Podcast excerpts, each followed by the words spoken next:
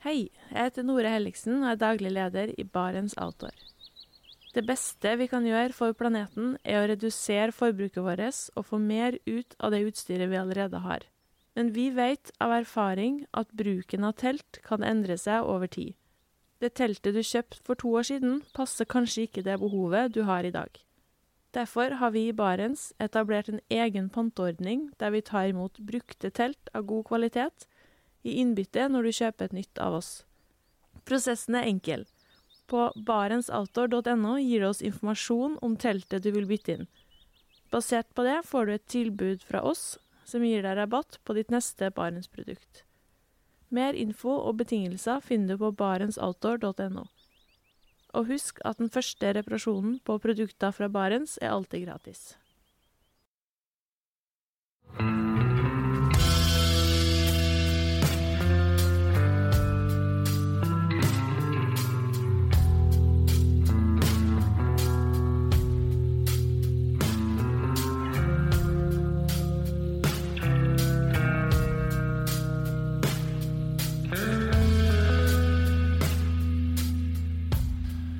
Hei, og velkommen til podkasten Uteliv. Mitt navn er Randulf Valle. I dag skal vi vende tilbake til et område som mange av lytterne på, til podkasten Uteliv har en stor interesse av, nemlig Canadas nordområder. For dagens gjest gjennomførte sommeren 2023 en langtur alene i packraften nettopp her. Velkommen til Pål Atle Fagerli. Tusen takk. Vi tar opp dagens episode på Dombås. Det er en ganske fin vinterdag, eh, sjøl om eh, tåka foreløpig ligger litt nedover. Men det er stabilt og fint eh, vinterforhold. Og det er rammen da rundt det faste åpningsspørsmålet. Har du hatt en fin tur eller naturopplevelse nå i det aller siste? Eh, ja, jeg har mye fine naturopplevelser her på Dombås. Eh, ja, skal se. Tirsdag, da gikk jeg med en tur ifra her, oppe i fjellveigen på Dombås. Da tok jeg skien under armen, og så gikk jeg opp eh, mot skistadion, like oppi hugget her, og så spente på meg skia, og så gikk jeg opp mot Dovrefjell, da. Så da er det litt like eh, granskog, eh, nei, furuskog og bjørkeskog, og så kommer det litt opp på Snaufjellet, da. Og hvis en er heldig, så kan en jo se noe dyr. Jeg så ikke det nå tirsdag, men eh, det hender seg. Jeg ser en rev eller noe litt lik, og det ja, det er veldig fint. Ja, go gode minner fra skistadion på Dombås. Jeg husker det var en sånn litt skummel bru når du kommer liksom ned igjen og skal inn på stadion. Som om den var ganske bratt, og hvis du ikke svikta i knærne, så var du plutselig i lufta når du kom over kanten der. Ja. Det kunne være noe spektakulære tryn. Eh, Men eh, det er jo vel og bra her i Norddalen. eh, Men vi, vi skal etter hvert til Canada. Men, men det er jo ikke sånn at man på en måte starter fra ingenting og så velger å dra en måned alene til Canada. Altså, det bunner jo i en friluftsinteresse, antar jeg. Og, og hvor kommer den fra? Eh, Jeg er oppvokst ikke så langt ifra her, da. Slik i luftlinje, i hvert fall. Eh, Jeg er oppvokst i Murredalen, eh, i Sel kommune. Og jeg kommer jo fra en liten gard der. Eh, Og jeg har jo egentlig starta ja, friluftsliv. Det starta vel egentlig med å eh, være med på bærplukking. eh, eh, fiske nedenfor gården. Der eh, renner det ei lita fin elv. Så starta jeg egentlig med litt, like ting. Det var ikke så mye med at mor og far ville ha meg med på fjellturer. Det var sjelden, men også oss var mye ute likevel, da. Det var, altså. Er det litt sånn eh, flere har påpekt at, eh, at friluftslivet på bygda er egentlig mer en sånn integrert del av hverdagen enn noe du tar et steg ut i? Ja. Mm, absolutt, det må jeg si. Virkelig. At det var på en måte Det var ikke noe du Nå skal oss ut i fri... Altså, og nå skal vi drive friluftsliv. Det var mer at det var integrert, ja, i hverdagen. Absolutt. Så eh, ja, som jeg sa, det var, ble jo mye fisking som ble den store hobbyen da, fra da jeg var liten. Så jeg, jeg tenkte på at jeg fikk jo lov til å fiske helt alene i elva da jeg var åtte år. Og ikke sant, når du er så liten og får den friheten, da, så skaper det òg mye erfaring Kan det være ute. Mm. Så veldig nyttig lærdom, det. Ja. Eh, Men eh, veien derifra til, eh, til Canada, altså når begynte du å drømme om eh, turer utafor Norge? Eh, nei, altså Som sagt, så begynte jo ganske tidlig da, for meg sjøl å være mye ute. Og så utforska jeg jo liksom nærområdene på Murdalen. Utforska liksom, liksom mer større horisont, da. Og så er jeg jo oppvokst med Lars Monsen, Mhm. så jeg må jo si at det var på en måte den store, store krafta da, til å ta steget videre. Ja, er det sånn for din del at det er på en måte TV-serien som starter det? Ja. Jeg kan jo på, på langs, Mm. eller på tvers. På tvers? ja. på tvers. Mm. Eh, Det var nok det som jeg virkelig satte liksom litt glød i meg, når jeg så disse store Canada-røyene dro opp eh, i Canada. Det var virkelig stort, da. Mm. Eh, så helt siden jeg så den, så har jeg jo hatt det i bakhodet. Mm. Og så tok jeg jo steget nå i sommer. Mm. Men eh, ja, altså, hva var det du måtte håpe håpa å finne der som du ikke kunne finne i Norge? Eh, den helt eh, Hva skal jeg si Ei villmark, da, som ikke bar preg av at det har vært folk der. Mm. Det var det som var drømmen. Være på en plass over flere dager der du ikke så antydning til at det har vært folk. Det var egentlig det jeg søkte. Mm. Og så denne utforskninga, da. Det at, på en måte at det var et område der jeg ikke visste hva som venta meg, i særlig stor grad. Det var òg ei stor eh, kraft da, som drev med. Mm. Men eh, det er jo ofte en sånn prosess. altså sånn, Hvor lenge går det altså Når er det det går fra å bli en drøm til en mer sånn konkret plan?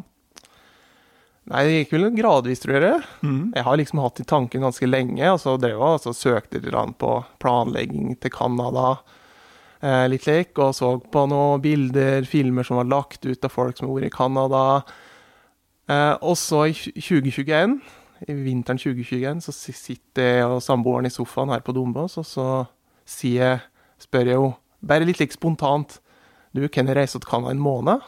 Mm. Og så sier hun, ja, du må jo bare planlegge godt da. Mhm. Og, Oi, er det så lettvint? Tenkte jeg, og da, ja, men du, jeg reiser da på to år. Mm. Er det greit for det, da? Ja, mm. sa hun. Og da var det bestemt. Ja. Da var det bestemt. Det sofaen her på Dombås. ja. Og det er jo kanskje det vanskeligste steget. Å gå fra drøm til å si at jeg skal, og jeg drar da. Ja, det er det. Men jeg er jo slik at når jeg først har bestemt meg for en ting, da, så gjennomfører jeg det. Mm. Ja. Så da gikk jeg ganske fort ut og si at jeg skal til Canada. Der at, at resten, altså ta venner og bekjente, slik at jeg følte press på at jeg, ja, jeg skal gjennomføre. Nå må du gjøre det. Ja. Men var det hele tida planen å dra aleine? Eh, helt i starten så prøvde jeg å få med bror min, eh, som skulle være to, før jeg hadde planlagt noe særlig, men eh, det viste seg at eh, av diverse årsaker så kunne ikke hen. Så det har vært klart ganske tidlig da, i planleggingsprosessen. Mm. Men da sa jeg at da reiser jeg alene. Jeg skal på tur uansett. Ja. Mm. Hvor mye hadde du vært på tur aleine sånn over flere dager på forhånd? Nei, altså flere dager det Der har jeg ikke hatt så mange turer, egentlig. Den lengste turen er fem dager. Mm. Uh, og det var i Femundsmarka. Mm. På en måte generalprøva til nå i sommer, da. Så det var fem dager. Mm. Det var den lengste turen jeg har hatt før den 31 dager nå i Canada. Det er ganske stort sprang. ja, det er det. Mm. Men samtidig så er det jo på en måte Du repeterer jo eh, Altså, du repeterer jo ting, da. Mm. Altså, om du har fem overnattinger, så er det jo egentlig bare å fortsette overnattingen, på en Mm. måte, da. Så med rutiner og. Men, men jeg tenker at i hvert fall sånn for min del, altså det går en ei grense der Altså er du liksom i Dovrefjellet eller i Femundsmarka, og du friker ut og finner ut at det her fikser jeg ikke å være her alene, så kan du gå rett ut igjen på en dag. Ja. Eh, og når du måtte, har plassert deg sånn at det kanskje tar ei uke å komme seg ut igjen, hvis du eh, bare finner ut at det her funker faktisk ikke i det hele tatt, da er du jo i en litt annen setting. Ja, helt klart. Det er jo noe man, det, er brukte to år på å visualisere og se for meg ulike scenarioer. Mm. Så når jeg starta, så var jeg så forberedt at uh, Slik mentalt, da. Ja. Så jeg var egentlig ikke redd overhodet for å frike ut eller noe slikt. Så jeg hadde jo reserveplaner. Jeg visste at OK, eh, hvis det skjer noe når jeg er der, hva gjør jeg da? Jeg har muligheten til å padle igjen, eh, kanskje. Mm. Men når jeg først har kommet over vannskillet og skal ned til den store Bjørnesjøen, så vet jeg at da i Medstrøms elv. Altså, jeg hadde litt like planer, da. Mm. Ja, for det var ikke en sånn helt standard tur du la ut på. For de fleste velger seg jo ei elv, og så blir du satt ut eh, så langt opp mot kildene som du vil, og så padler du eh, sammenhengende nedover. Gjerne til et eller annet sted som ligger ved utløpet. Men, men du lagde en mye mer sånn sammensatt tur. Ja, for at når jeg begynte å planlegge, da, eh, så tenkte jeg at jeg vil et Jeg skal til nordområdene i Canada. Mm. Det visste jeg. Eh, og så visste jeg at jeg skulle bruke en packraft, oppblåsbar båt. Eh, og så visste jeg at jeg skulle på en månedstur. Og da visste jeg at OK, for å greie det på en måned, så må jeg da finne på en måte to punkt der fra A til B jeg skulle padle. Og så ville jeg til et område som mm, Altså, jeg ville ikke finne ei rute på forhånd. Jeg ville Nei. finne en sjøl. Mm. Så jeg studerte egentlig satellittfoto i timevis eh, i Nordvest-territorium, Nunavut og Quebec. Mm. Og så var det egentlig helt tilfeldig at jeg fant da to landsbyer som jeg så at her går det noen elver, her går det noe vann, noen vannsystemer. Eh, og den distansen mellom disse to landsbyene kan være mulig å gjennomføre på en måned. Mm. Og da tenkte jeg at OK, nå skal jeg tegne opp ruta som jeg ville ha ført her. Mm. Så da tegner jeg opp ruta eh, på kart, og så måtte jeg jo søke opp for å finne ut om det var nok vann i elvom der. Mm. Det var, et, det, måtte, det var et premiss som måtte ligge til grunn, da, altså at det var nok vann. Mm. Og eh, da søkte jeg på navnene på disse elvene, da. Mm. Og det eneste som kom fram, var en canadier som hadde logga en artikkel om disse elvene. For han hadde padla da, store deler av disse elvene der. Og, og han fikk jeg faktisk kontakt med. Mm. Og han kunne bekrefte at det var nok vann i de elvene. Mm. Eh, så da bestemte jeg meg for at den ruta, den skal jeg gjennomføre. Det er litt sånn spesielt å søke informasjon uten egentlig å ville ha det. Ja, det er det. Hadde jeg visst at det vært nok vann i de elvene, så hadde jeg bestemt meg for den ruta. Mm. uten å innhente informasjon. Men jeg kunne ikke risikere å komme til Canada og så plutselig møte ei tørr elv. Nei, det er litt uheldig. Ja. Men uh, altså for de som er litt sånn uh, kjent med geografien, da, så kan du jo forklare uh, måte, hvor ruta di går hen. Ja, det er da vest, nordvest for Den store slavesjø. Mm. Eh, der er det en eh, liten landsby som heter Vati. Den ligger ved en stor innsjø som heter Lakla Matre. Den er da nesten fem ganger større enn Mjøsa. Ganske stor innsjø. Eh, så ruta gikk ifra den landsbyen, og så gikk den nordover eh, mot den store Bjørnesjø. Så eh, da går den først opp et elvesystem som heter Grandin River. Mm. Og så går den opp til noe vann som danner vannskille, da. Før vannet renner over til et nytt vassdrag som går til den store Bjørnesjø. Mm. Og den elva som går ned der, heter Johnny Howe River. Ja. Så den går, eh, kommer ut igjen i McWicker Arm i den store Bjørnesjø. Mm. Og ifra der så måtte jeg krysse ei halvøy, og så padla jeg og gikk eh, langs eh, kanten på den store Bjørnesjø til jeg kom til Deliné. Mm. Landsbyen den store Bjørnesjø. Ja, sånn i, i på en måte de, de kalde tall, da, hva, hva er avstanden mellom de bosetningene her? Eh, jeg vil regne på at det blir vel rundt 630 km, da. Den Mm. ruta som jeg tok. Ja. Eh, I luftlinje så blir det jo mindre enn det, da, Mm. selvsagt. Men eh, rundt 630 km. Men, eh, men du hadde altså som premiss at det skulle være packraft og ikke kano. Hvorfor det? Fordi at jeg så for hvis jeg skal greie å gjennomføre denne turen, så må jeg kunne greie å ha, gå med alt med ei bæring. Mm. For at det var så my såpass mye bæringer Og for å krysse den en Store Bjørnesjø, så der er det jo ei bæring på nesten tre mil. Ja. Og der hadde jeg ikke hatt muligheten til å gå gått flere turer hvis jeg skulle ha greid det på rundt en måned. Nei. Ok, men, eh, men hva er det du da regner som eh, altså da, da tenker jeg òg du skal ha med alt på ei vending. Hva er det du da tenker som Hvor tung kan sekken være på det maksimale? Sånn i starten. Eh, jeg starta jo først på et vann, på åtte åtte mil. Eh, og så var det motstrømselv i sju mil. Mm. Så jeg visste at jeg kom til å ete opp en del mat da, før jeg måtte bære alt. Så jeg regna med at sekken på den første bæringa ville kanskje være rundt 45 kilo. Det er solid.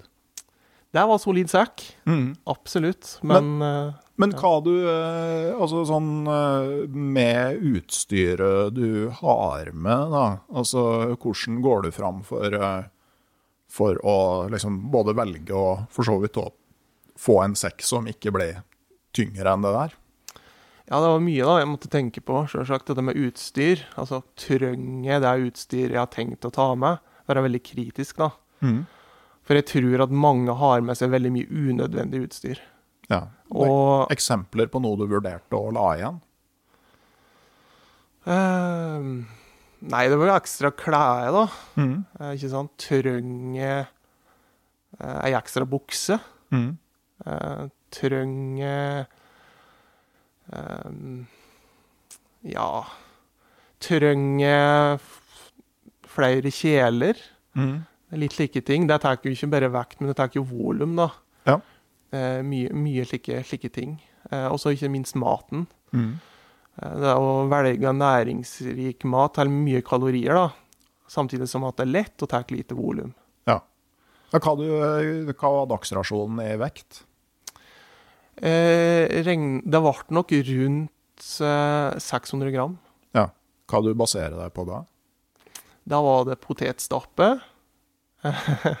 Klassiske potetstapper. Mm. Eh, havregryn. Eh, og så var det en del beef jerky. Mm. Og så hadde jeg med meg 70 snickerser. Ja. Mm. Det, det er jo eh, solid sikringskost. Ja, absolutt. Er, er Snickers i dag mat eller godteri? Kan du, hvis du skal kose deg med en sjokolade, hender det du kjøper Snickers, eller er du vaksinert? Ja, jeg har ikke spist snickerser siden da, faktisk. Nei, det er ikke helt, u, ikke helt uvanlig fenomen, tror jeg. Det. Nei, men jeg tror jeg har begynt å spise potetstappe igjen, da. Nei, jeg har gjort det. Så det. Mm. Nei, altså, da var det, det var frokost med havregryn, eh, havregraut. Da hadde jeg like, mjølkepulver, Mm. og så havre, havregryn.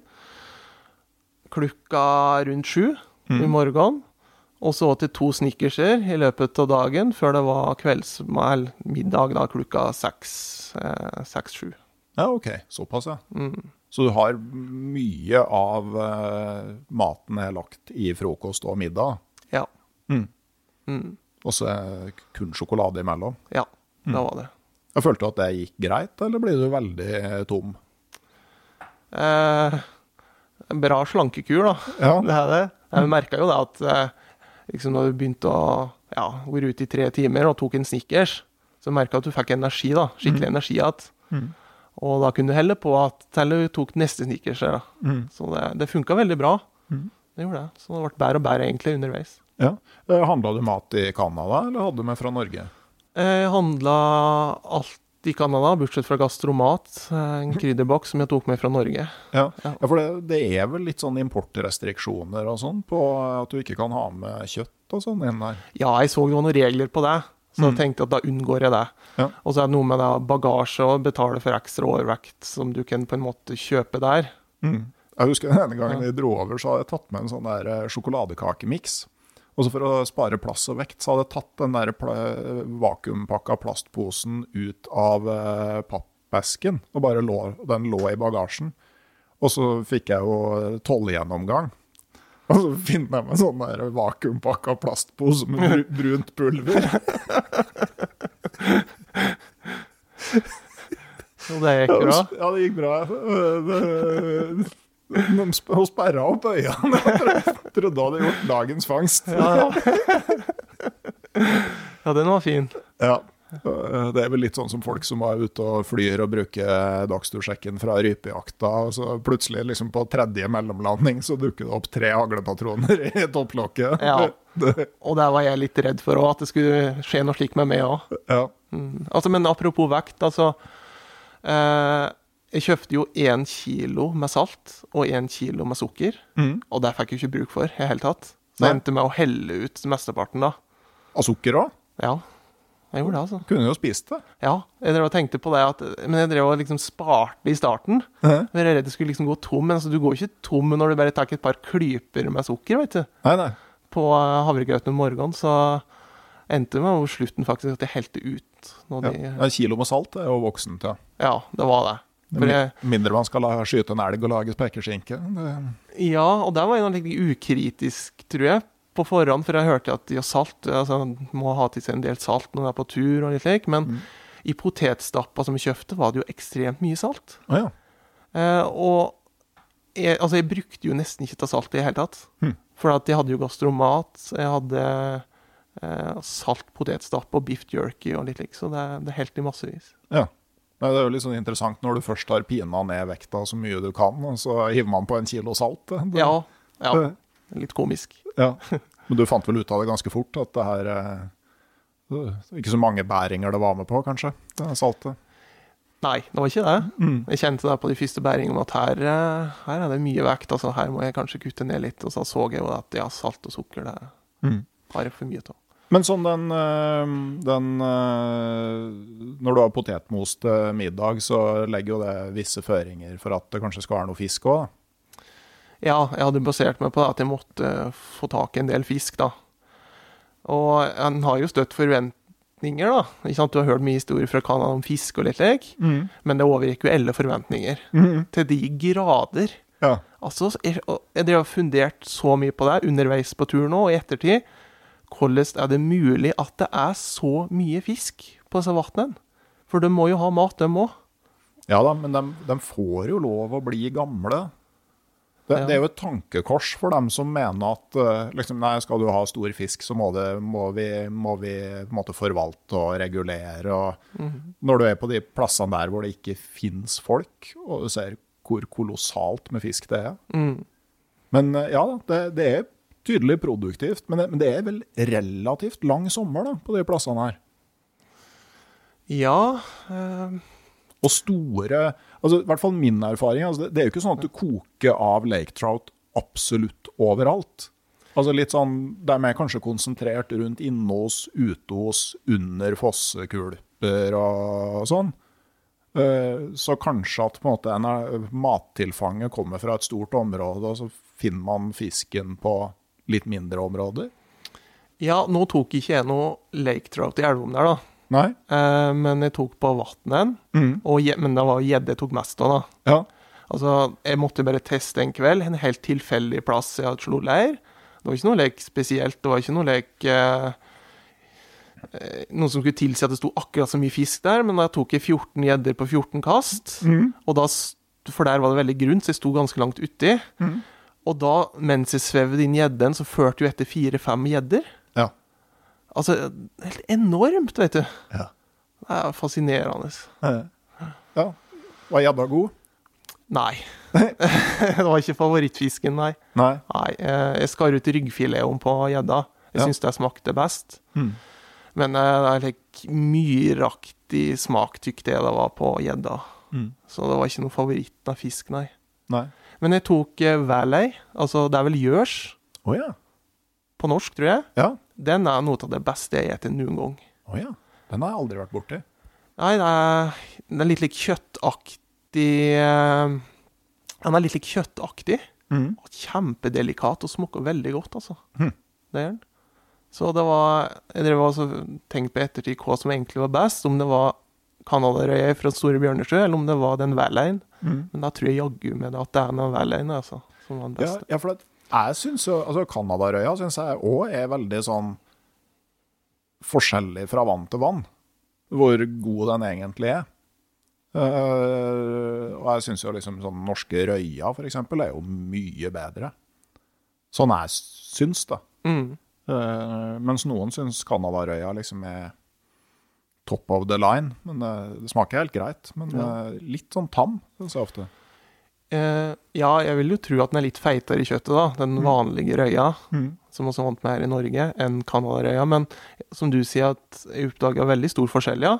Mm. På det ene vannet jeg tok Canadarøye, så var det mark i kjøttet. Ja. Det var like kuler, Mm. og var litt like hvit og veldig udelikat. Mm. Mens på den store Bjørnesjø, fy søren, for en kvalitet. Ja. Helt ildrød i kjøttet, og altså den jeg tok der var jo seks kilo, rundt seks kilo, Mm. og det var som du skulle ta, altså om det, det skulle, som det var en kilos fisk. Ja. Den var så fin i kjøttet, så det Mm. var spesielt. Ja. Interessant med Store Bjørnsjø. altså Deliné er eneste bosetninga der. Det er liksom 1000 mann. Og så har du Den er jo på topp ti av verdens største innsjøer. Jeg lurer på om den er inne på topp fem òg? Ja, den er vel den sjuende. Sjuende? Ja. Mm. Større enn Store Slavesjø, og det bor under 1000 mann der. Ja. Det er sånn ca. 100 ganger Mjøsa, vil jeg tro. 86 ganger. 86 ganger, ja. Ja, for, for Store Slavesjø er liksom noen og 70 ganger Mjøsa, mener jeg. Ja, det stemmer nok. Ja. Eh, Så det er fascinerende at det bor bare rundt 500 stykker rundt den sjøen, ja. Ja, det, det er fascinerende. Men sånn med med logistikken da, for å, å komme seg fram til, fram til start, fra du starta her på Dombås, eh, hvordan gjorde du det? Fikk du med alt på vanlig flybillett? Uh, ja, det er jo et kapittel i seg sjøl, dette med planleggetur, altså det med logistikken. Det er så mye en må tenke på. Uh, jeg hadde tre collie åt Canada. Mm. Eh, så når jeg kjøpte flybillett, så kjøpte jeg av de billigste billettene. Mm. Og der var det inkludert en collie, tror jeg, på 23 kilo, så måtte du betale for alt annet, da. Mm. Uh, I ettertid så ser jeg da at jeg kanskje burde ha betalt en litt dyrere billett, da.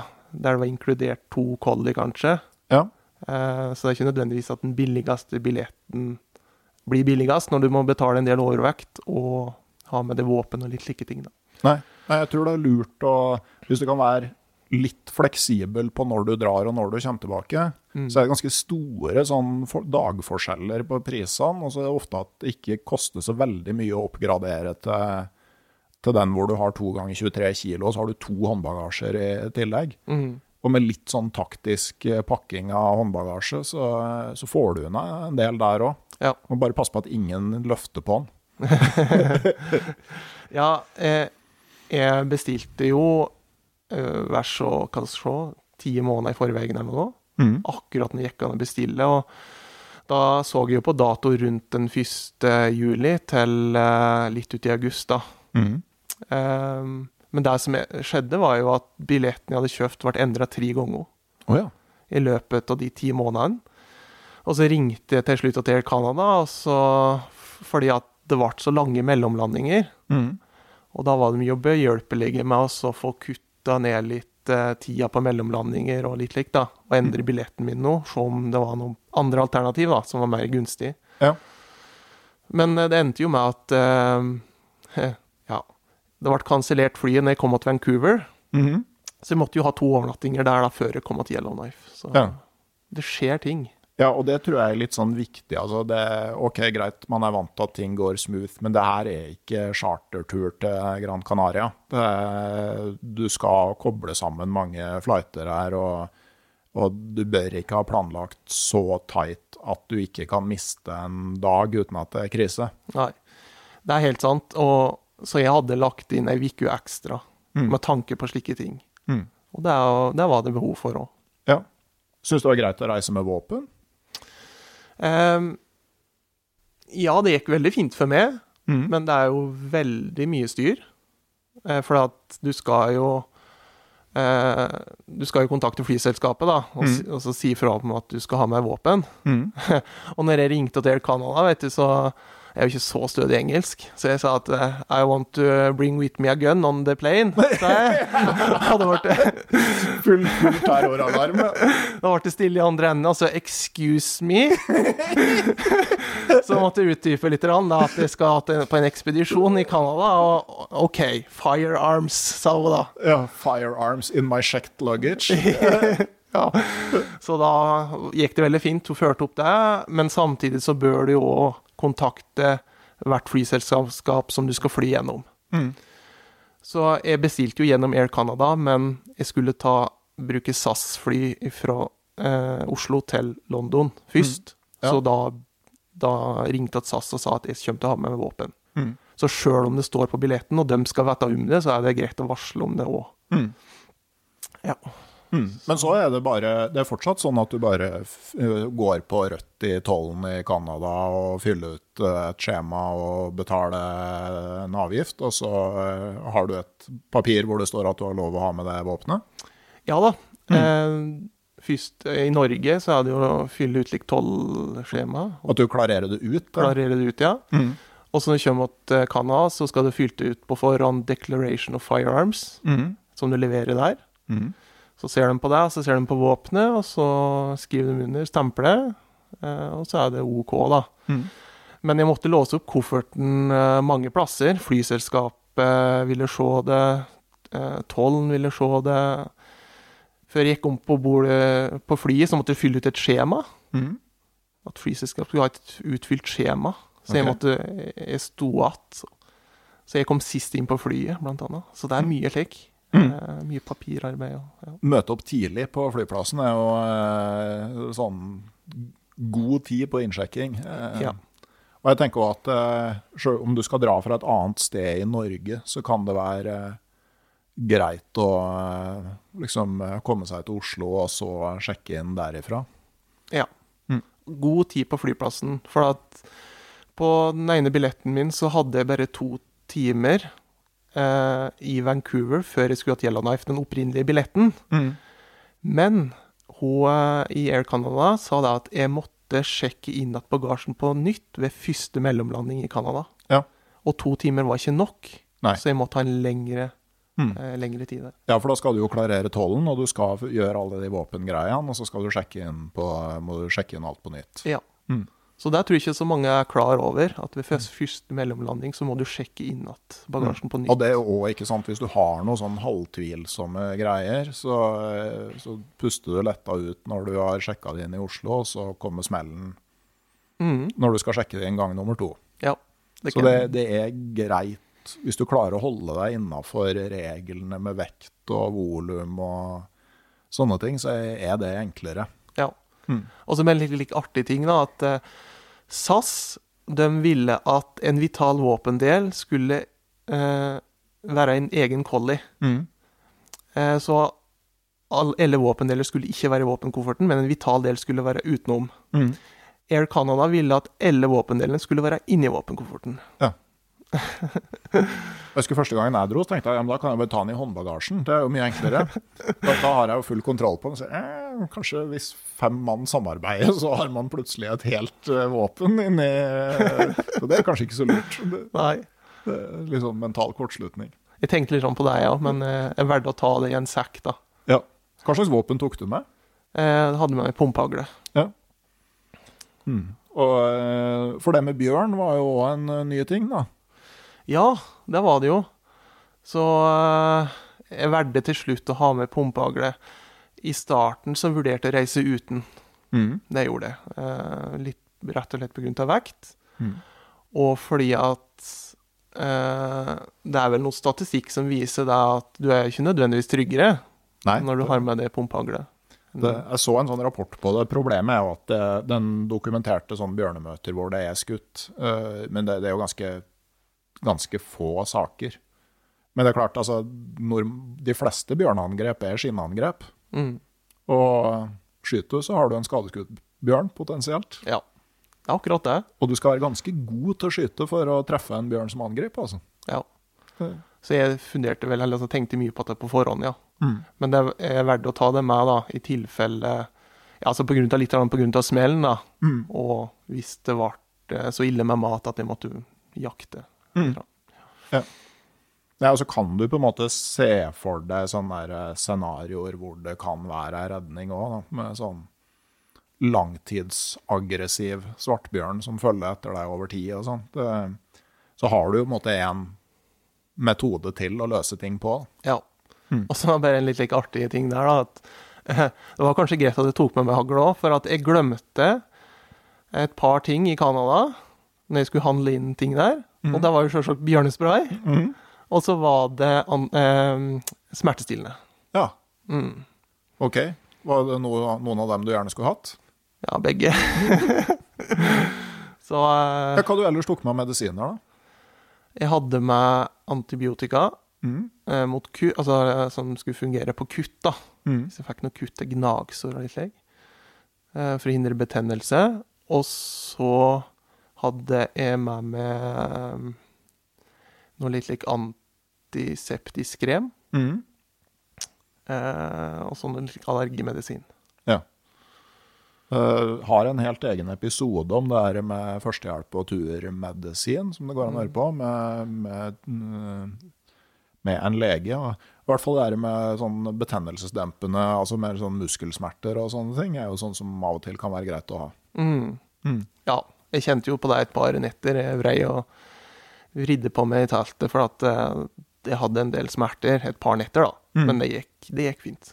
Ja. Mm. Uh, hvordan eh, kom du deg ut til startpunktet? Hvordan kom man seg til, til uh, Vati? Det er det du sier? Vati? Ja, Vati. Ja. Jeg tror det er slik du uttaler det, i hvert fall. Uh, det ble en taxitur, faktisk, Ok. fra Yellowknife. Eh, det går jo fly, da, og de Mm. fleste tar jo fly. Mm. Men jeg var litt lei flyplasser. Mm. Og hvis jeg var litt mer fleksibel når jeg tok taxi, med bagasjer og litt lik Ja. Så det ble en ja, 25 mil da, taxitur Mm. fra Yellowknife til Vati. eh, For det åpna en vei, en sommervei dit i 2021, så ganske nylig åpna vei. da. Så Ja. gikk an å kjøre dit. Hva betalte du for den taxituren? Nei, det ble eh, noen tusenlapper. Ja, Det jeg bare tenker sånn For andre som planlegger noe tilsvarende, så kan det være greit å vite. Skal se, jeg betalte vel 700 kanadiske dollar. Ja, 75 3500? Eller kanskje litt mer. 3-4. Ja, 5600. Ja. Hvis du ganger med åtte. ja. Ja. Og gang med åtte nå, ja. Det, gamle, det er lenge. Nå har krona gått ad undas mot den kanadiske. Det... Ja, og det var, det var dyr dollar. Ja. OK. Ja.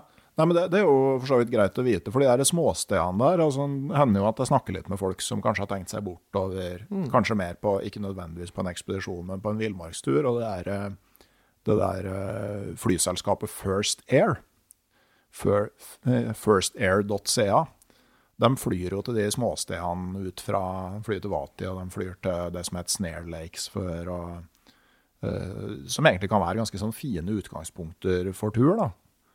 Eh, Men hvordan var det i Vatia når du kom dit? Eh, Jeg var ikke der så lenge. Det var egentlig for at jeg var et par dager på etterskudd, da, grunn av at noen kansellerte fly i Vancouver. Så jeg var litt like i hastverk, for jeg ville gjerne starte turen. Så jeg var rett inn på butikken der, og så var det å få våpenkofferten sendt til Deliné. Eh, og så var det egentlig bare å så komme seg til, eh, til vannet der, Mm. hvor jeg skulle starte, da. Ja. Så jeg var der i veldig kort stund. Mm. Det var jeg. Mm. Så eh, jeg var å komme seg og få posta kofferten, og så komme seg til vannet, og så var det å pakke ut og ordne seg da, Mm. til å begynne å padle. Når var det du fant ut at du hadde glemt bjørnesprayen? da? Det var vel i de tidene der. ja, jeg hadde begynt å padle da. Ja. Det kan hende de hadde det inn på butikken der. Mm. Mm, men jeg hadde nok begynt å padle når jeg, før jeg forsto at jeg hadde glemt det. Ja. Eh, det var jo en eldre kar da, når jeg drev og pakka ut og skulle, altså hadde fått blåst opp packraften og litt lek, som eh, møtte meg på stranda der. Og så spurte han eh, ja, skal du på tur. Og så sa jeg at ja, jeg skal til Deliné. Og så så han litt på meg, og så så han på packraften og så ja, du skal, skal du bruke den der? sa og fikk det på packraften, og jeg sa ja, jeg skal bruke denne der. OK, sa han bare da. Så jeg skjønte at han var skeptisk. Han uh, ante at du aldri ville komme fram dit. eh. Ja, han uh, var nok skeptisk uh, med denne farkosten, da. Eh, og så fortalte han da at han hadde vært oppe i en elv for ja, vel rundt 30 år siden, tror jeg han sa, som jeg skulle opp etter hvert. Og da sa han at det var noen partier der som kunne minne om ei vaskemaskin, sa han. Så jeg måtte være litt forsiktig, da. Kunne være litt like farlige strømninger. Ja. Så Det hadde han sikkert rett i. Ja da, det var noen slike strømninger, men uh, Mm. det var ikke noe farlig. Nei. Og det, og det er jo ofte litt sånn uh, Altså, du får en del gode tips, men du vet jo på en måte ikke på forhånd hva som er de gode og de som ikke er gode. Altså hva som er riktig og hva som ikke er riktig. Nei, akkurat det. Mm. Så, men jeg prøvde, prøvde jo å høre på det han hadde å si. Han sa jo annet at eh, vind her er stort sett ganske fin om Mhm. sommeren, sa han. Så for at de spurte om dette med vind, da. Mm. Eh, og stort sett var de fra sør. Vind fra sør. Altså det vil si at de fikk vinden i ryggen, Mm. stort sett. Og at det var sjelden blåst opp noe særlig høye bølger. da. Mm. Ja, det er jo greit å vite. Det var greit å vite. Men eh, det å starte tidlig i juli, altså eh, Hva var på en måte grunnen til at du dro da? Um, nei, det var jo det at det var midt på sommeren, egentlig. Mm. at det er varmt, at eh, det er god temperatur, og um, det var egentlig grunnen til det. Også at jeg har muligheten da, Ja. til å ta, eh, være på en lengre tur da òg. Mm. Hvordan, men eh, hvordan var det med insekter? Um, det var ikke så fryktelig ille. Delvis var det ganske ille, men like, jevnt over så hadde jeg trodd det skulle være mer. Det som var litt rart, var at den første halvdelen så var det mye, mye klegg og flugge. Og så når jeg begynte å bikke over vannskillet ned mot Bjørnesjøen, så kom my myggen og knotten. Ja. Black, Mm. Blackflies?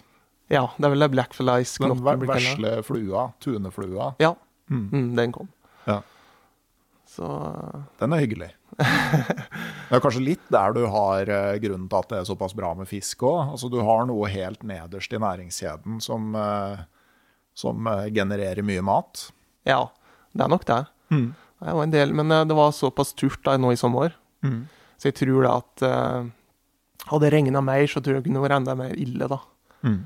For at det var helt ekstremt tørt. Og jeg så på statistikk over værdata fra der jeg starta, og det var ikke én dag i juli eh, temperaturen var under 20 pluss grader om, om, midt på dagen.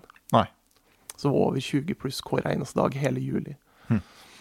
Det er Og det temmelig, varmeste da. det er temmelig varmt å være underveis da. Der, der var det. Men eh, hvordan husker du liksom første kvelden og første leiren? Følelsen når du satte opp teltet første gangen? Ja, jeg kommer jo godt det. Jeg padla til ei øy, eh, og så hadde jeg padla feil ifra dag én, vet du. Ja, Og er ikke det typisk? At du liksom bare er ivrig etter å komme i gang, og så gidder man ikke å navigere, og så er man liksom, kommer du feil ut helt fra start? Ja, ja, det er jo helt Det er håpløst. Jeg var jo flere kilometer ute av kurs første dagen. Ja. Så jeg forsto jo det da når jeg drev også tok opp leir og slik, og det irriterte meg veldig, da. ja. Og så kommer jeg godt i hug da at jeg hørte en lik lyd, og jeg tenkte oi, dette her, hva slags dyr er dette her? Så tenkte jeg at det må være en slags fugl. Mm. Og så viste det seg at det var ekornet. Ja. For en lyd! Det høres ut som en mini-maskingevær når det holder på. ja, sånn snatring. Ja. Ja. Mm. Nei, det var, det var vekkerklokka mi mange dager på turen. ja.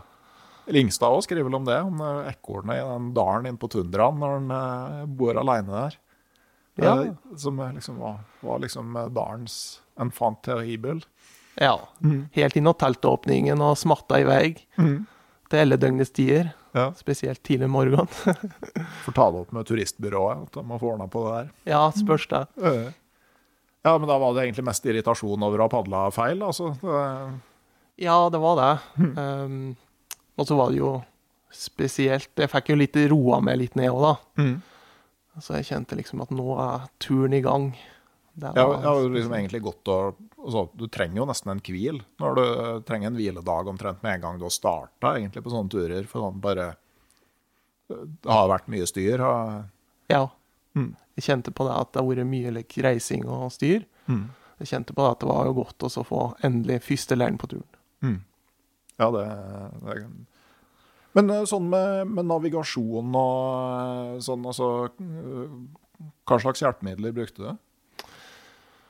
Jeg hadde jo kart. Mm. Jeg fikk eh, noe kart av hen Duane, Dwayne, som han heter, hen canadieren, som oh, ja. hadde vært eh, deler av den ruta som jeg hadde planlagt. Eh, heldigvis, for at hvis jeg skulle kjøpt alle de kartene jeg trengte på turen, så hadde det kosta flere tusen. Mm. Så da fikk jeg dem.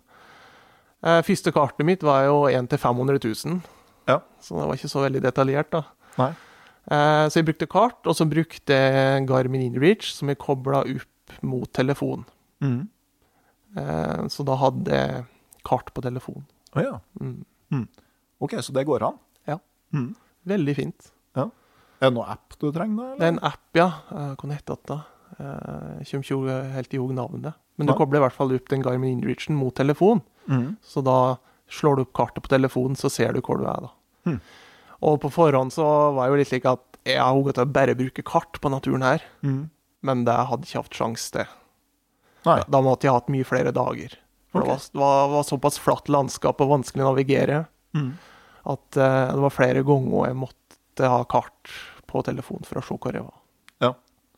Ja, og det å navigere fra vannflata, det er ikke nødvendigvis så enkelt. Nei. Mm. Og ene dagen jeg skulle padle, så ser jeg eh, litt Ja, det jeg, det jeg tror ikke er så langt ifra meg, da. Mm. Når jeg padler, så ser jeg at å ja, her er en båt, og så ser det ut som det er to som står i båten og fisker. Mm. Og så tenker jeg for meg sjøl at ja, kanskje mellom en halv kilometer og en kilometer fra meg. Mm. Og så padler jeg i fire timer, og det viser seg at det er ei øy med to krokbøgde graner. Ja. Helt merkelig. Ja.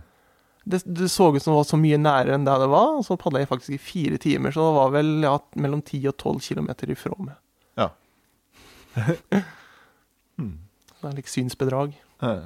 Men hvordan var det å padle på stort vann med packraft, da? Ehm, nei, det er jo Jeg har jo ikke padla i ellikano før, da, som de fleste har på slike Canada-turer. Mm. Eh, men jeg vil jo tro at en ellikano går ganske mye fortere i vannet Mm. enn en packraft. Eh, når jeg padla de la- altså, ja, når jeg padla sju-åtte timer, så greide jeg å padle et tempo mellom 2,5 og 3 km i timen på Ja. helt vindstille vann. Mm. Med litt medvind så kunne jeg greie mellom 4 og 5. Mm. Med ja, 7-8 sekundmeters motvind så greide jeg kanskje 1,5 km i timen. Ja. Og da er du ganske sliten. Da er jeg sliten. Ja. Mm. Og så ha- havna jeg i noen situasjoner, da. Eh, der det blåste såpass opp at jeg greide en halv kilometer i timen. Mm. Og når du er ganske langt utpå da, så går det en del tanker gjennom hodet. Ja. Det gjør det. I hvert fall hvis det er fralandsvind og stort vann. Ja. Og på det meste så var jeg fem kilometer fra land. Oi. Ja. Og det er jo, det er jo dumt, da. Ja, jeg tenker det, det er jo kanskje noe man bør unngå når man er aleine. Ja. Det er jo, det er jo dumt å gjøre slik. eh, Og jeg hadde jo tenkt på det på forhånd, at jeg skal jo ikke ta slike sjanser. Det er jo bare dumt. Men på det første vannet så var det Det bukta seg så hit og dit Mm. at det å padle helt inn ved land der, da hadde jeg brukt dobbelt så lang tid over det vannet, i hvert fall. Mm. Så jeg visste at det var et par strekker der der jeg kom til å være ganske langt fra land. Mm. Og på det ene strekket så var jeg faktisk fem kilometer fra land. Ja. ja, det er ti kilometers kryssing eller noe sånt, da. Ja. Så det er fem kilometer begge veier til land. Ja, det var det på det lengste jeg var ifra noen øyer og slik, ja. Mm. Ja, det er temmelig svært. ja. Men eh, det, da var det jo Det var spådd ganske bra vær, da. Mm. Og eh, det var helt vindstille. Mm. Men likevel, så du vet jo heller, og det er slike sjanser vil jeg jo ikke ta at Nei. Det er jo toskete. Ja, for det, det, det er klart, når du er aleine, så er jo marginene mye mindre. Det er det. Mm. Hadde du tenkt noe spesifikt på andre ting der, som, eh, sånn sikkerhetsmessig?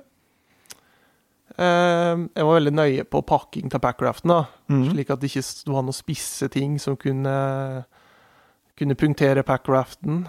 Eh, fisking fra packraften. At jeg er veldig nøye på hvordan jeg tok opp fisk. Eh, litt slike ting. Mm. Eh, det å gå over packraften i ny og ne for å se at det ikke var noen skader.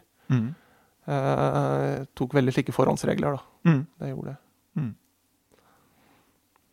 Ok. Men um, hadde du planlagt framdrifta nøye sånn dag til dag, eller sånn at du visste liksom hvor langt du måtte være til enhver tid? Jeg hadde tenkt rundt 20 km, da. Mm. på, fra starten, på, spesielt på Savatnen, der jeg kunne padle meg sånn i ett strekk. Og så når jeg skulle motstrøms det ene vassdraget, så tenkte jeg ja, litt over 10 km. Mm. Så jeg hadde en lik plan, ja, på ruta. Slik grovplan. Og så visste jeg at OK, hvis det henger litt etter, så har jeg muligheten til å padle noen lengre dager når jeg har medstrømselv. Mm. Hadde du noen sånne milepæler underveis? da? Ja, det hadde jeg. Jeg har jo bakgrunn fra idrett, så jeg har, jeg har jo vært med på en del like lange konkurranser i, gjennom idretten. Ja, ok, Hva slags da? Nei, jeg har vært med på Norseman to ganger, og Og du har det, ja? Trondheim-Oslo og litt like ting. Ja. Og der er det òg viktig at du ikke ser helt fram til mål. Mm. Du må ta, tenke litt like del, altså delmål da, underveis. Så jeg hadde en delmål, ja. Mm. Ok, du har fullført Norseman. Ja. Du er sånn relativt grei form eh, da? Ja, jeg har ikke helt den formen nå, da. Nei, nei, men jeg gjennomførte, men uh, Mm. jeg har vært god form, og så er jeg grei form nå. Ja. Mm. Og har en del grunntrening. Det er jo greit å, greit å vite. Men også, hvordan responderte kroppen da, når du starta på det her? For man får vel aldri trent så mye man skulle ønske på forhånd? Nei, absolutt ikke. Nei. Jeg hadde bare et par padleturer. Mm. Eh, altså den så i fjor sommer, da. Før jeg til Canada. Og, men jeg hadde trena en del styrke, da. På mm. skuldrer og, og rygg. Slik at eh, jeg hadde litt liten grunnbase, men altså Du får jo heller trena på den padlinga så godt som du vil. Nei. For at eh, du begynner jo, ikke sant, med sju-åtte timers dager Mm. med padling. Så det er mm, Halvveis på turen så begynte jeg nok å få senebetennelse i begge armene. Ja. Hvordan kjente du det, liksom? Ja, En morgen jeg våkna, da kjente det stakk fra skuldrom og helt ut i håndleddet. Uff da. Så da skjønte jeg at uh, OK, nå har det vært mye hard padling.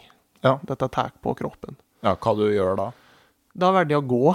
Jeg gikk 15 km den dagen jeg kjente det, i vann på en innsjø. Da gikk i kanten med Mm. båten på slep. Mm. Uh, og så heldigvis dagen etterpå da, så hadde jeg litt medvind. Så jeg Mm. veldig rolig. Mm. Og så ble det en del bæringer, da. Som det berga nok med der. Ja. ja, for det er jo noe som du sier, ikke sant? Altså De dagene hvor du kjemper i motvind i en uh, packraft, altså for så vidt i kano òg, at uh, uh, det der å kjempe mot forholdene og, og padle i motvind generelt, det, da må du ta i så mye at eh, det over tid eh, vil veldig mange begynne å kjenne det. Ja, og det er den vinden, ja. For når du får motvind, og så ser du at OK, men jeg må faktisk dit nå, til den øya der, og så har du fått motvind, så må du ta til så mye. Mm. At det blir like, like ekstremt uh, kraft du må sette i åra da, Mm. for å komme det fram. Og det var nok det som tok meg. Uh, men det For at jeg måtte jo padle motstrøms elv òg. Ja. Og enkelte plasser var det akkurat slik at du greide å padle det opp til der det ble mer rolig igjen. Så Mm. måtte du ta til litt ekstra. Og det tok nok mer på kroppen enn eh, det, det som var bra. Mm. Ja, hvor lenge hadde du vært ute da du begynte å kjenne at det gjorde vondt? Eh, det var vel rundt 14, 12, 14 dager. Mm. Mm. Eh, Men dyrelivet, da? Så du noe til det? Eh, ja, det Mm. var litt forskjellig. Det var en del insekter, som sagt. Det var Mhm. bra dyreliv. Og så så jeg ja, en del svaner. Mm. ene vass, der vassdraget skulle opp, var det mye svaner. Og mye ørn, Ja. ikke minst. Der så jeg jo sikkert over 100 ørner på turen. Altså en hvithodeørn? Ja, hvithodeørn, og så var det fiskeørn, tror jeg. Ja. Jeg så noen ugler. Eh, ja, og så så jeg jo bjørn og ulv og bever og oter og ja, hvordan var første bjørnemøte? Nei, det var Jeg så den heldigvis på lang avstand, sto midt i elva, der jeg skulle forbi. Mm. Så eh, jeg var veldig opptatt av For at vinden sto rett imot bjørn, Mm. så jeg tenkte at den kommer til å lufte med. Så jeg, jeg vil prøve å få et bilde av den da, før den stikker av. Mm. For det var slik jeg hadde tenkt at bjørnemøtet ville skje. da, At den kom Ja. til å stikke av med en gang. Mm. Så jeg var opp med kamera, eh, altså på rundt ja, 130 meter eller noe. Så tok jeg noen knips noen bilder, tok noen film. Og så gikk jeg liksom imot bjørn, da. Mm. Og så hadde jeg fløyte som jeg blåste i, da, for at nå tenker jeg at nå kunne du bare ja, Mm. vik, vik litt unna nå, tenkte jeg. Eh, men han bare så på meg og bare rista på hodet og så ned til elva. Mm. Han drev med noe i elva der, jeg vet ikke om det var noe fisk eller noe nåt. Gikk enda nærmere, skjøt et skudd med hagla. Så bare dumt på meg, Mm. Fortsette videre. og ja, på rundt eh, 80 meter så skyter jeg et nytt skudd med hagla. Mm. Og da begynner det å gå imot meg. Og da går det en del tanker gjennom hodet. OK, tenkte jeg, hva skjer nå hvis den kommer på 30 meter? Mm. Hva, hva skal jeg gjøre, liksom? Mm. Så da var det en litt eh, spesiell situasjon. Heldigvis på det tredje skuddet, da snudde den i elva, og så gikk den rolig bortover. Og så hadde jeg jo ikke tatt ut plombering i hagla, så jeg hadde jo bare to skudd, jeg, vet du. Ah. Men jeg tok ut den plomberinga den kvelden. Smart. Ja. Så. Ja, for det er jo noe med det der, altså Man har kanskje gjort seg opp en mening om hvordan det her eh, skal foregå, så, så blir det ikke helt sånn likevel, nei. Nei. Hmm. Så jeg drev og tenkte på det i ettertid, at hvis den eh, bjørnen hadde stått eh, inne ved kanten i buskaset, og jeg hadde gått i elva, så er det ikke sikkert jeg hadde sett den før jeg var på 30 meter. Og Nei. dette virka som det var en hannbjørn Mm. som eggde området. Mm. Så jeg tror at det, det kunne potensielt ha vært litt lik Kunne vært en farlig situasjon. Ja. Ulv, da? Ja, der var eh, Første møte med ulv var eh, øvre deler av denne Johnny Howe River. Mm. Da ser jeg en ulv som står ved kanten, og da er elva ganske smal, så er jeg veldig nær den. Jeg tipper rundt sju meter. Mm. Og så forsvinner den inn i skogen, Mm. og så ser jeg at den fortsetter nedover ved kanten ved sida av meg. Så jeg tenker at den er litt, litt nysgjerrig, og tar jo fram kamera, da. Og plutselig så dukker opp en helt ny ulv. For at jeg så at den var mye mer hvitere, den ulven som dukka opp. da. Den, den lå bare i buskas og så på meg. Da tenkte jeg at oi, her er sikkert en ulveflokk. Eh, så litt lenger nedover så dukka det opp en ny ulv òg. Den står i vannet i elva. Og den står og kikker på meg helt til jeg er på sida på den. Og da går den ut på land. Hvor langt unna er du da? Jeg er nok ti meter på det, Mm. på det minste, men jeg ser den jo på 40 meter, og en ser med på 40 meter. Og så Den, den står bare og titter på meg. Lurer sikkert på hva dette er for noe, Mm. som kommer nedover elva der. Men i ettertid så tror jeg nok det var ungdyr, Mm. Siden de var så nysgjerrige og virka ikke så redde. De var svær. Ja, de var, var store, men jeg så jo en seinere på turen som var betydelig større. Ja, ok. Ja, så jeg tror at derfor jeg liksom baserer meg på at det måtte være noe ungdyr. Ja. Mm. Hvordan var det, syns du det var liksom å, ja, å få sove og sånn med vissheten om at det er bjørn i området? Jeg hadde jo det liksom i bakhugget hele tida, Mm. Så jeg var veldig på, på vakt etter lyder og litt slikt, da. Mm. Der var jeg. Men det var liksom etter disse her ulvemøtene og, og når jeg først så bjørn, Mm. at jeg liksom tenkte enda mer på det. Mm. Eh, Men jeg hadde jo eh, Jeg tok jo forhåndsregler ved å lagre maten et stykke bort fra teltet, Mm. men samtidig i en avstand der jeg kunne høre Ja. om det kom bjørn bortpå, da. Mm. Eller noe dyr. Ja, for det er jo noe man ikke er vant til å eh, forholde seg til. Nei, det er ikke det. Mm. Men det er, det er jo veldig fint å forholde seg til det, Ja. syns jeg. Mm. Det er liksom så naturlig. Og disse dyremøtene også, det er jo så naturlig. Mm. De passer så godt inn der. Jeg tenkte jo at det skulle bli være mye mer spesielt på en måte å se altså rovdyrene, men de passer så naturlig inn. At det er så naturlig at de er der. Med sånn. Mm. Så det var helt fantastisk. Eh, Fikk du på en måte opplevelsen din av villmark som det ikke syntes at det hadde vært folk i? Ja. Fra, dag, fra jeg var innom denne fiskelodgen på dag tre, til jeg kom til den store Bjørnesjø, så så jeg ikke antydning overhodet at det har vært noe folk. Nei. Eller ferdsel i området. Ikke noe bålgroper, ikke noe eh, antydning til at det har vært noen leirplasser. Nei. Så det var helt eh, Var det noe du tenkte på i din egen framferd òg? At, liksom, at nestemann skulle få samme opplevelsen? Ja. Mm. Og eh, det var helt spesielt, for at jeg fikk så respekt for naturen underveis. Så når jeg drev åt noen Snickers-sjokolader og litt slik også, hvis det var en liten flik av papir som datt av sjokolader, Mm. så var jeg helt like, denne her skal jeg ta opp. Mm. Altså, jeg ble veldig like, bevisst på det, da. Mm. Eh, så jeg tror ikke det ser, Hvis en eh, ser på de leirene jeg har hatt, så tror jeg ikke en skal se at jeg har vært der, nei. Nei. Fikk ve ve veldig respekt for den naturen. Men uh, var, var det bål som var varmekilden din, eller hadde du med noe brenner? Det var bare bål, ja, Mm. på turen. Mm. Så eh, Det gikk greit? ja, uh, det gjorde jo det, men det var så tørt at uh, det var flere plasser, og det var veldig vanskelig å logge bål. Ja. Sjøl om det var helt vindstille, så var jeg redd for å logge bål enkelte plasser. Mm. Det, det, det tok Det bare spredde seg med en gang. Mm. Så sjøl om jeg tømte på mye vann rundt der jeg skulle logge bål, så var det veldig eh, skummelt å logge bål enkelte plasser. Ja. Så eh, Men eh, Nei, det gikk bra. Og tørr ved var null problem å finne. Jeg hadde jo med meg sag, men den brukte to ganger på turen, tror jeg. Ja. Ellers var det dødt trevirke kunne finne alle plasser. Ja. Fascinerende å være i et sånt område. Ja, det er det. Mm. Men var det noe, og hvordan var det å være alene så lenge? Um, det var veldig fint. Det var det. Du selvsagt, du har jo ikke noe å dele opplevelsen, eller noen å dele opplevelsen med, da. Nei. Så det savna jeg kanskje når jeg tok noen av de største gjeddom og, og lake troutom. Mm. At du savner kanskje noe å dele de opplevelsene med, men samtidig så Jeg tror du kommer i litt andre tankebaner når du er helt aleine. Mm.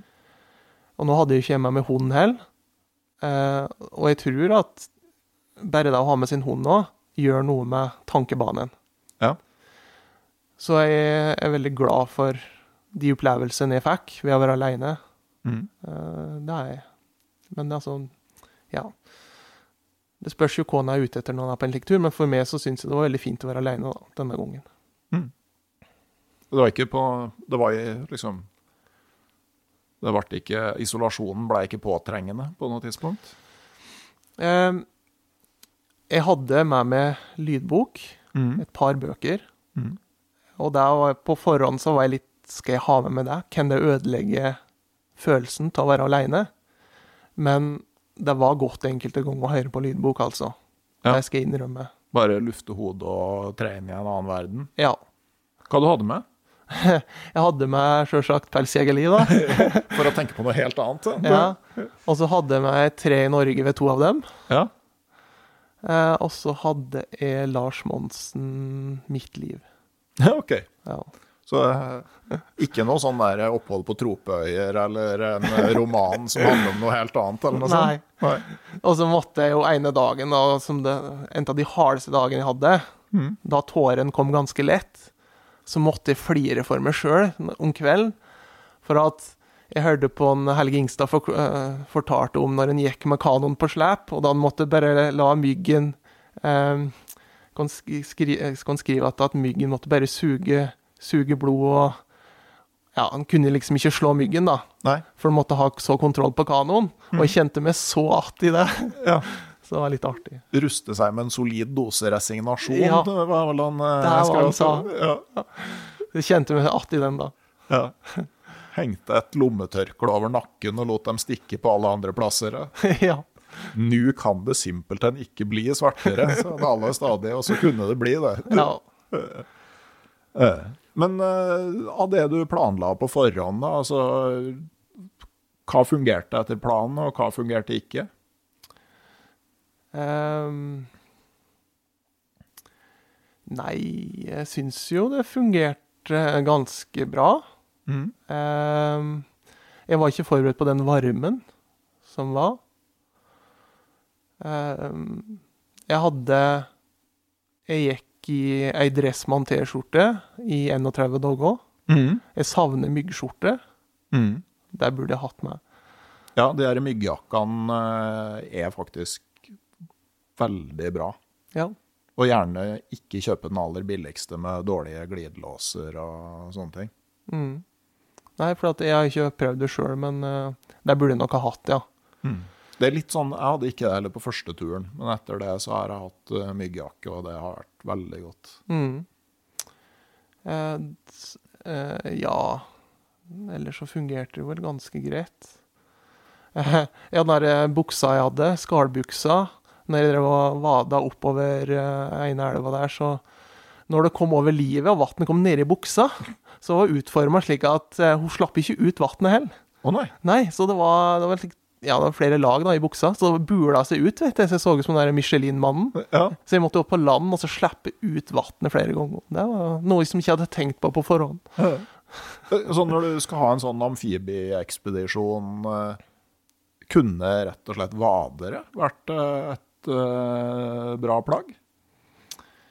Jeg vet ikke om det har blitt litt baskete med det. Nei? For at det var jo såpass varmt vann da, Ja. der jeg var da, at du kjente jo ikke at du var i vannet engang. Nei, ok. Nei. Så det gikk jo veldig fint. Mm. Men uh, Jeg ser jo en del sånn lettvektsfantaster bruke sånn vannsportsko når de er på fottur. mm, Det burde kanskje vært et triks, da. ja, det kan nok være. Men altså, jeg gikk jo såpass i grov stein av elva, Ja. så det å ha litt høye fjellstøvler, det var fint for ikke å vikle seg da. Mm. For det var ganske sleipe steiner jeg måtte gå, eh, gå i Mm. oppover der, så Og så kan det jo skade seg litt òg, hvis du tråkker feil og litt slik, så det å ha litt beskyttelse med litt høye sko var greit. Ja, i hvert fall når du har såpass mye vekt på ryggen. Og... Ja, når jeg gikk oppover, så hadde jeg jo hele bagasjen i båten. Mm. Og det, og det er jo noe en kan tenke over òg, hvis du skal gå opp der det er en del strøm i elv med packraft, at du pakker en del av bagasjen lenger bak i båten. Ja. For hvis det er strøm som tar tak i framre del, så kan den lett presse under båten. Mm. Det erfarte jeg. Ja. Så da må man være litt like, forsiktig.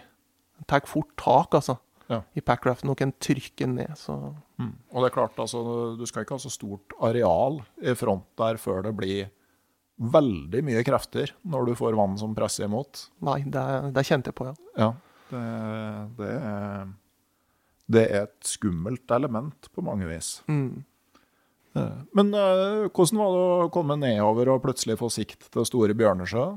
Det var en spesiell opplevelse. Og det var som et hav som åpna seg, vet du. Og da var det jeg først så antydning til at, eh, at her er det folk, da. Mhm. gamle like, timra buer, Mm. så det ut som. Jeg var ikke helt innåt dem, eh, som sto liksom i nedre del der. Som sikkert har blitt brukt av urbefolkninga ja, til jakt og fiske. Eh, nei, det var kjempefint. Da så jeg endelig den sjøen som jeg skulle fortsette på til Deliné, da. Ja. Men hvordan altså, padle packraft på Store Bjørnesjø? Jeg tenkte at eh, ja, det, det kan man òg gjøre. Ja. Eh, Det det viste seg, er at når jeg kom til den store Bjørnesjø, så måtte jeg gå Da ble det fem mil gåing, stort sett, Mm. etter, da. For at det, det ble såpass vind etter hvert. For jeg måtte først krysse like halvvei, da. Og så ble det såpass vind, så jeg måtte fortsette å gå etter jeg hadde kryssa den halvøya videre ved den store Bjørnesjø. Mm. Men eh, etter hvert så kunne jeg jo padle på sjøen, og helt merkelige dønninger. Hm. Jeg opplevde at eh, det ble noen slike dønninger, da, altså bølger som sikkert var to meter høye, men det var jo sikkert 50 meter imellom bølgene. Ja. Og da hadde jeg medvind. Da gikk det unna, altså. Så det er sikkert vind som eh, Vind lenger nord på Bjørnesjøen. Veldig sterk vind. Og så hadde en vind avtatt. Så Mm. blir det slike dønninger, vil jeg tro. Det er litt sånn som på havet, ikke sant? At Ja. du, har, eh, du har dønninger etter uvær som har vært et annet sted på ei annen tid. Ja. Ja. Jeg er jo en litt langkrabbe som bor i innlandet her, da, så jeg er ikke så kjent med det. Men det er sikkert som å Ja, ja nei, samme her. Eh, Når du er oppvokst i Gausdal, så har du lært å svømme i elva. Det, det, det er ikke noe stillevann noe sted, Nei. bare på fjellet. Mm.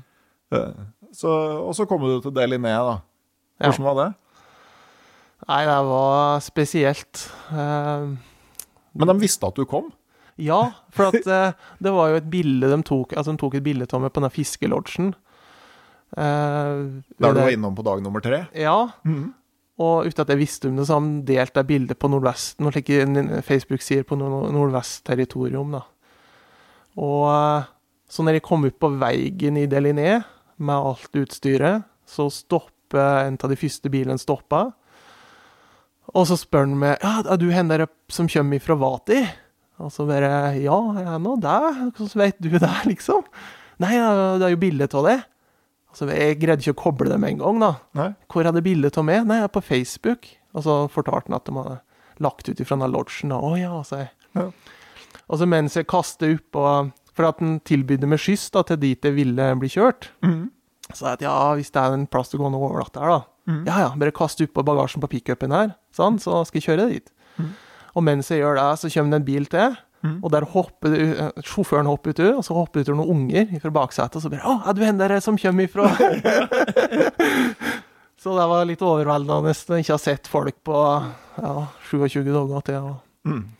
Jeg husker jo det ungene i de bosetningene var artig, altså. ja, Eh, Hadde en hale etter det hele tida. ja. Skulle de eh, Det der trikset med å lære bort ord på sitt eget språk som, hvor, hvor du lurer folk med betydninga, ble du utsatt for det? Eh, ja, det var det. Det er en veldig sånn universell spøk. Ja. Men det var av noen eldre karer. Den, den, den tror jeg de fleste plasser i verden har. Hvis det kommer folk utafra, og så lærer du dem ord som har en helt annen betydning enn det du sier det er. Et slik artig pek de har, sikkert. ja. Ja, jeg synes det altså, Ikke bare i nord i Canada, men altså, er overraskende sånn hvor mange plasser i verden det der er moro. Ja. Men eh, hvordan var Blei du lenge der, eller? Jeg ble der i fire dager. Mm. Um, så eh, det var kjempeinteressant, for at jeg fikk jo Jeg fikk prata ved mye folk. Mm. Jeg fikk høre litt historier. Og så fikk jeg omvisning på det community-senteret der, da. Altså, mm. Det blir som, som et slags kommunehus, da, Mhm. her oppe. Og det var kjempeartig. Det viste meg hvordan de styrte der, hvordan de tok avgjørelser. Fortalte med profetier ifra Deliné, for de, eh, de har jo hatt profeter der, da. Mhm. Litt like synske som kommer med profetier, og kjempespennende. Jeg fortalte Når jeg var inne der, så prata jeg med en, en som har vært sjef der Mhm. i fem år før, og nå var han vel nestsjef, som heter Raymond. Satt inn på kontoret hans, og så prata jeg ved henne og så et par eldre karer. Mm. Og så tenkte jeg at ja, jeg skal begynne å prate om disse rovdyrene jeg har møtt, tenkte jeg. Mm. For at de har sikkert møtt så mye før, og de er sikkert ikke interessert i, i det, døm. Og så spurte jeg med dem liksom at hva dere ville ha gjort da når det kommer en ulv helt inn ved leiren, og, for jeg opplevde jo det. Mm. Og så sa han men kan ikke du fortelle meg om den episoden? Mm. Og så fortalte jeg da at det var en kveld rett før midnatt at jeg måtte ut på do. Og så tok jeg et par steg ut fra teltet, og så ser jeg rett i øynene på en ulv. Og den ulven den står og stirrer på meg eh, en stund, før han går rolig videre. Og når jeg fortalte det, ble det helt stille i rommet. Og så sier den ene at eh, den plassen der du har møtt den ulven, det er litt lik eh, hellig plass for oss, det er området. Sånn. Så, og i vår tru så vil ulven beskytte det, og han vil fortelle det noe. Så de mente at det var ikke tilfeldig Mhm. at ak akkurat at jeg hadde sett den ulven der. Og den ene, hen fell faktisk ei tåre, Mhm. den eldre karen der. Og da skjønner jeg at dette her er Det betyr mye for deg. Det betyr noe, altså. Mm. Og så da ble de veldig lek Hvorfor havna du her i Deliné, egentlig? Mm. Og jeg sa at nei, det var ganske tilfeldig. Jeg så bare på kart og fant at ja, denne ruta her kunne, jo, kunne jeg jo gjennomføre. Og, og det mente jo da at det var ikke tilfeldig da, at jeg hadde kommet til Deliné. Mm. Så det var litt like eh, Den stunda på det kontoret, det var spesielt. Ja. Um, så uh, det er noe som vi kommer til å huske, og prate om litt andre ting òg, men det er heller for meg sjøl. Ja. Nei, det er jo eh, folk som lever et helt annet liv enn oss. Det er det. Og den atmosfæra der, det er helt spesielt. Ehm, Ja, hvordan da? Alt går mye roligere. Mm. Og de, disse, noen av disse eh, jeg møtte, de har en aura som ikke har sett på Altså, du ser ikke den auraen på så mange folk. Det er like sterk kraft Mhm. Som er vanskelig å beskrive. Eh, og en Raymond hadde slik, eh, slik aura rundt seg, altså. Mm. Eh, ja, så kan jeg ta en historie til de fortalte om en av seg profeti om, da. Mm.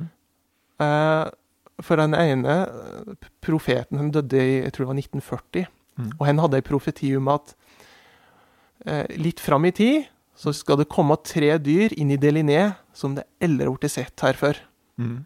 Og i 2008, hva slags dyr tror du kom inn i det linje? Jeg har gjort research. Du har gjort det? Ja. Tre isbjørner. Da kom det tre isbjørner, ja. Det var jo sikkert en eh, tilreisende lærer som hadde med tre fuglehunder i 1978 òg. Ja, ikke sant? Det går an å tenke litt slik òg, da. Altså, det, det, er jo, det er jo mer mellom himmel og jord enn de fleste andre steder. Men jeg tenker også, hvis du sitter i 1940 og sier at på et eller annet tidspunkt så kommer det tre dyr hit som ikke har vært der før, Ja. Så skal det jo mye til at du ikke får rett på et tidspunkt. Men det er jo klart når du kommer med tre isbjørner, så blir det jo en veldig sånn spektakulær oppfyllelse. Ja da, det er sant, det. Du kan jo Ja, du kan jo på en måte rasjonalisere det. Så ja. Men det er jo mer artig å ikke gjøre det. Det er det. Det blir mye mer spennende da, ja. Det gjør det. Så. Det blir det. Men det er jo sånn når du Altså, din opplevelse Du hadde ikke fått den opplevelsen der om du bare hadde tatt flyet fra Norman Wells, tenker jeg, å komme dit med det. Altså det at du faktisk er han som har padla og tatt deg gjennom villmarka og kommer inn dit, det gjør at du får en annen sånn uh, connection inn til dem. da. Altså, dem er nysgjerrig på deg. Ja, og jeg følte det For de sa jo at det er jo spesielt fordi du har gått i våre forfedres jaktmarker og områder. Og måten jeg har gjort det på, det er liksom Jeg skjønte at jeg setter med respekt hos dem, da. Og på forhånd så tenkte jeg at det var slike turer de gjorde ganske ofte. Men det viste seg at det, den generasjonen som er nå, tar ikke slike turer. En Raymond som jeg prata på, hen hadde, hen, var, hen hadde godt kjent da, i hele disse områdene. Så den generasjonen der hadde nok vært med på litt like turer, da. Ehm, så ehm, Nei, jeg ble godt mottatt. Skikkelig godt mottatt. Og på det hotellet der, du vet jo sikkert at du at det er ofte dyrt. Mm. Så det koster jo egentlig 380 dollar for ett døgn. Mm. Jeg fikk fire dager for 315 dollar. På grunn til at jeg har tatt denne turen. ja, men det er bra. Det er bra. Og så tenker jeg at de der hotellene er veldig ofte drevet av Coop-en. Altså sånn at det er egentlig community som driver Ja. både butikken og hotellet. Så jeg tenker at hvis man har pengene, så er det en natt eller to på et sånt sted en veldig fin måte å legge igjen noe i lokalmiljøet. Mm. Det, um, For den ble drevet av det communitya, ja. Den eh, overnattingsplassen. Mm. Så um, Nei, det, men det er klart generelt i nordområdene så er det dyrt og eh, sterkt variabel eh, kvalitet. mm. Sånn at du har stive priser, og du kan få en helt vilt fremmed inn på, på rommet hvis det, hvis det trengs. Det var i hvert fall sånn. Men, Ja. men en opplevelse, det er jo ja, det kosta vel 180 kroner, norske kroner da, for en frossepizza der. Men det er klart, eh, det er en grei transportvei. Så vidt jeg vet, så har de Deliné har vintervei. Da. Ja. Eh, Så da er de liksom tyngre transport kan, eh, kan komme inn da, men på sommeren så er det små fly fra, fra Norman Wells. Som er, var det sånn du kom ut igjen? Ja, det var det. Det var 16-seters fly. ehm, i, ja, som går imellom disse småstadium da, Mm. i Nordvest-territorium, og så innom Deliné, og så til uh, Yellowknife. Ja. Ja. Så det er jo litt artig. Det er jo liksom Ja, spesielt. Det er jo ett hus liksom, på den flyplassen i Deli- Deliné, og så måtte vi ringe av to som styrte der, for at hun skulle komme, da. Mm. Sto i kø. Mm. Ja, ja, ja, sant det. Jeg skal egentlig på jobb i dag. Så kom hun, og så var det, eh, Og så var det piloten som kasta inn bagasjen i flyet og Mm. røk, røkte og Ja, det var litt artig. Jeg har nevnt det før tror jeg, i podkasten her, men da jeg fløy til Colwell Lake, så satt jeg i co-pilotsete med fungerende stikke og pedaler. På en helt vanlig billett. Ja. Sto og telte over, og fikk ikke antall passasjerer til å gå opp med setene. Det var en sånn enmotors eh, propellfly, Ja. som jeg tror var seks eller sju stykker som var med. ja. Hmm. Nei, de er ikke så nøye på ting. På Nei, og de har vel kanskje ikke noe grunn til å være det heller. Nei. Det, eh, det, det er ingen vits å liksom automatisk innføre de samme reglene som i Toronto når det ikke er nødvendig. Nei, er noe med det. Eh, hva tenker du om turen nå som du har den et halvår på avstand? Nei, jeg sitter jo igjen med så mye ufattelige gode minner, og det er jo liksom fått med Altså, jeg er mye mer rolig, da. Mm. Nå eh, kan, jo si at jeg er mer sjølsikker og liksom Jeg stresser ikke over ting som er nu- unødvendig å stresse over. Jeg har blitt flinkere til det.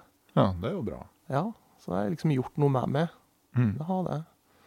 Og så plutselig, i ny og ne, så dukker det jo opp ting da, som jeg liksom ikke har tenkt så mye over, som jeg har møtt, som jeg møtte på turen. Og, så dukker hele tida opp at uh, minner og opplevelser. Så, Mm.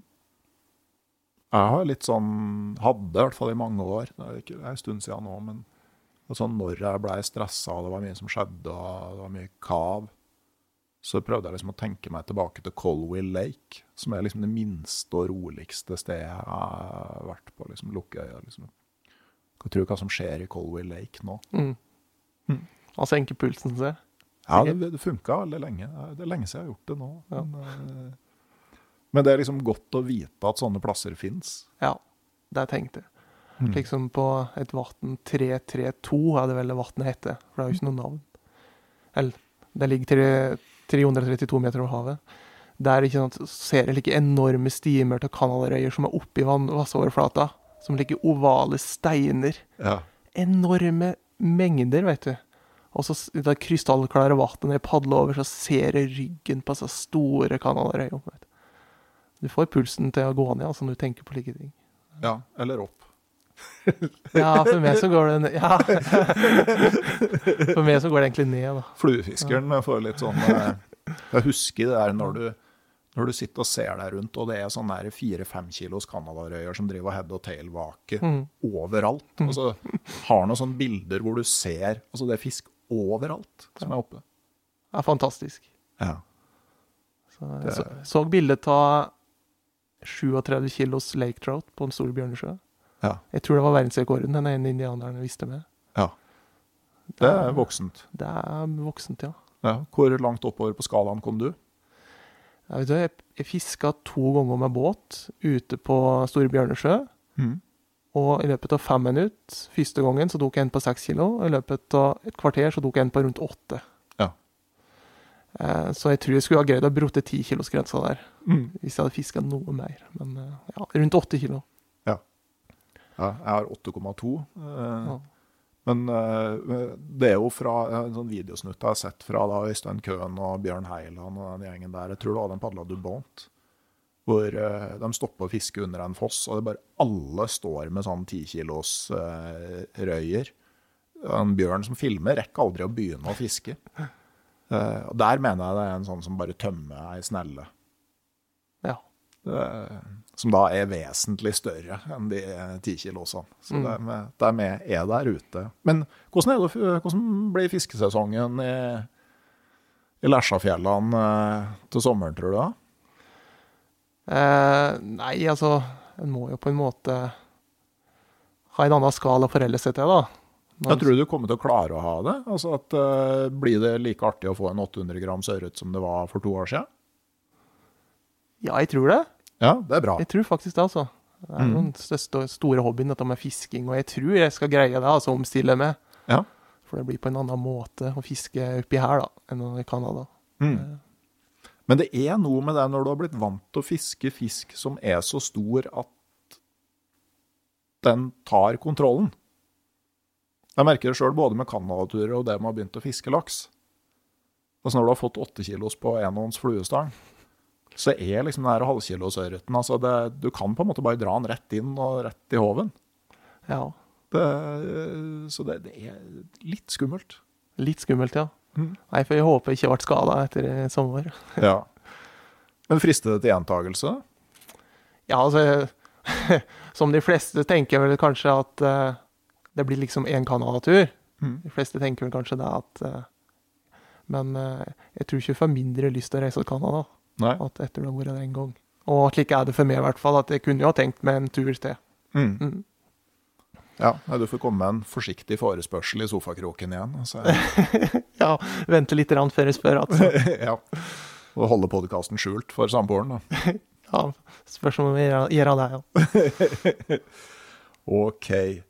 Eh, nei, men det var, det var kjempehyggelig å snakke med deg, Pål Atle. I like måte. Ja, eh, veldig stor stas. Og eh, jeg slutter jo alltid da, med å spørre hvor ville du helst ha vært akkurat nå, hvis du ikke satt her og så på at det klarna opp over Lesja? Ja, vanskelig spørsmål, da. Men jeg svarer på Nei, kanskje det vært artig å fått med seg isløsninga på den store Bjørnesjø. Mm. Når isen slipper taket fra land der. Så det kunne nok vært plassen å være. Mm. Med tidenes grøvste isbår? ja. Det hadde vært fint å ha fått, opplevd det, ja. Det tror jeg òg hadde vært veldig, veldig fint. Tusen takk nok en gang. Eh, Jeg takker også min kommersielle samarbeidspartner, Barents Outdoor AS, og medlemmene i det digitale turlaget på Patreon, inkludert dagens gjest. Det er veldig viktig at dere er der, og dere er hovedgrunnen til at podkasten fortsatt eksisterer etter omtrent fem år. Det er plass til flere på Patreon. Følg link i bio, eller gå inn på patrion.com og finn podkasten Uteliv om du vil være med i gjengen. Jeg nevner også at Camp Villmark kommer rett rundt hjørnet. Norges største messe for jakt, fiske og friluftsliv den går av stabelen på Nova Spektrum på Lillestrøm fra 15. til 17. mars. Jeg er på plass som en del av en liten bokhandel, hvor du kan handle bøker og snakke med dem som har skrevet dem. Og det blir også en podkastscene der med jeg tror det blir i hvert fall en fem live-podkaster i løpet av helga, bl.a. en ny, ganske lang en. Og merk at alle ekspedisjonsmakkere i det digitale turlaget på Patrion får tilbud om gratis helgepass. Jeg håper vi ses der. Men om vi ikke ses på Camp Villmark, så kommer det uansett en ny episode av podkasten Uteliv om ei uke. Og inntil da så sier jeg rett og slett ha det bra.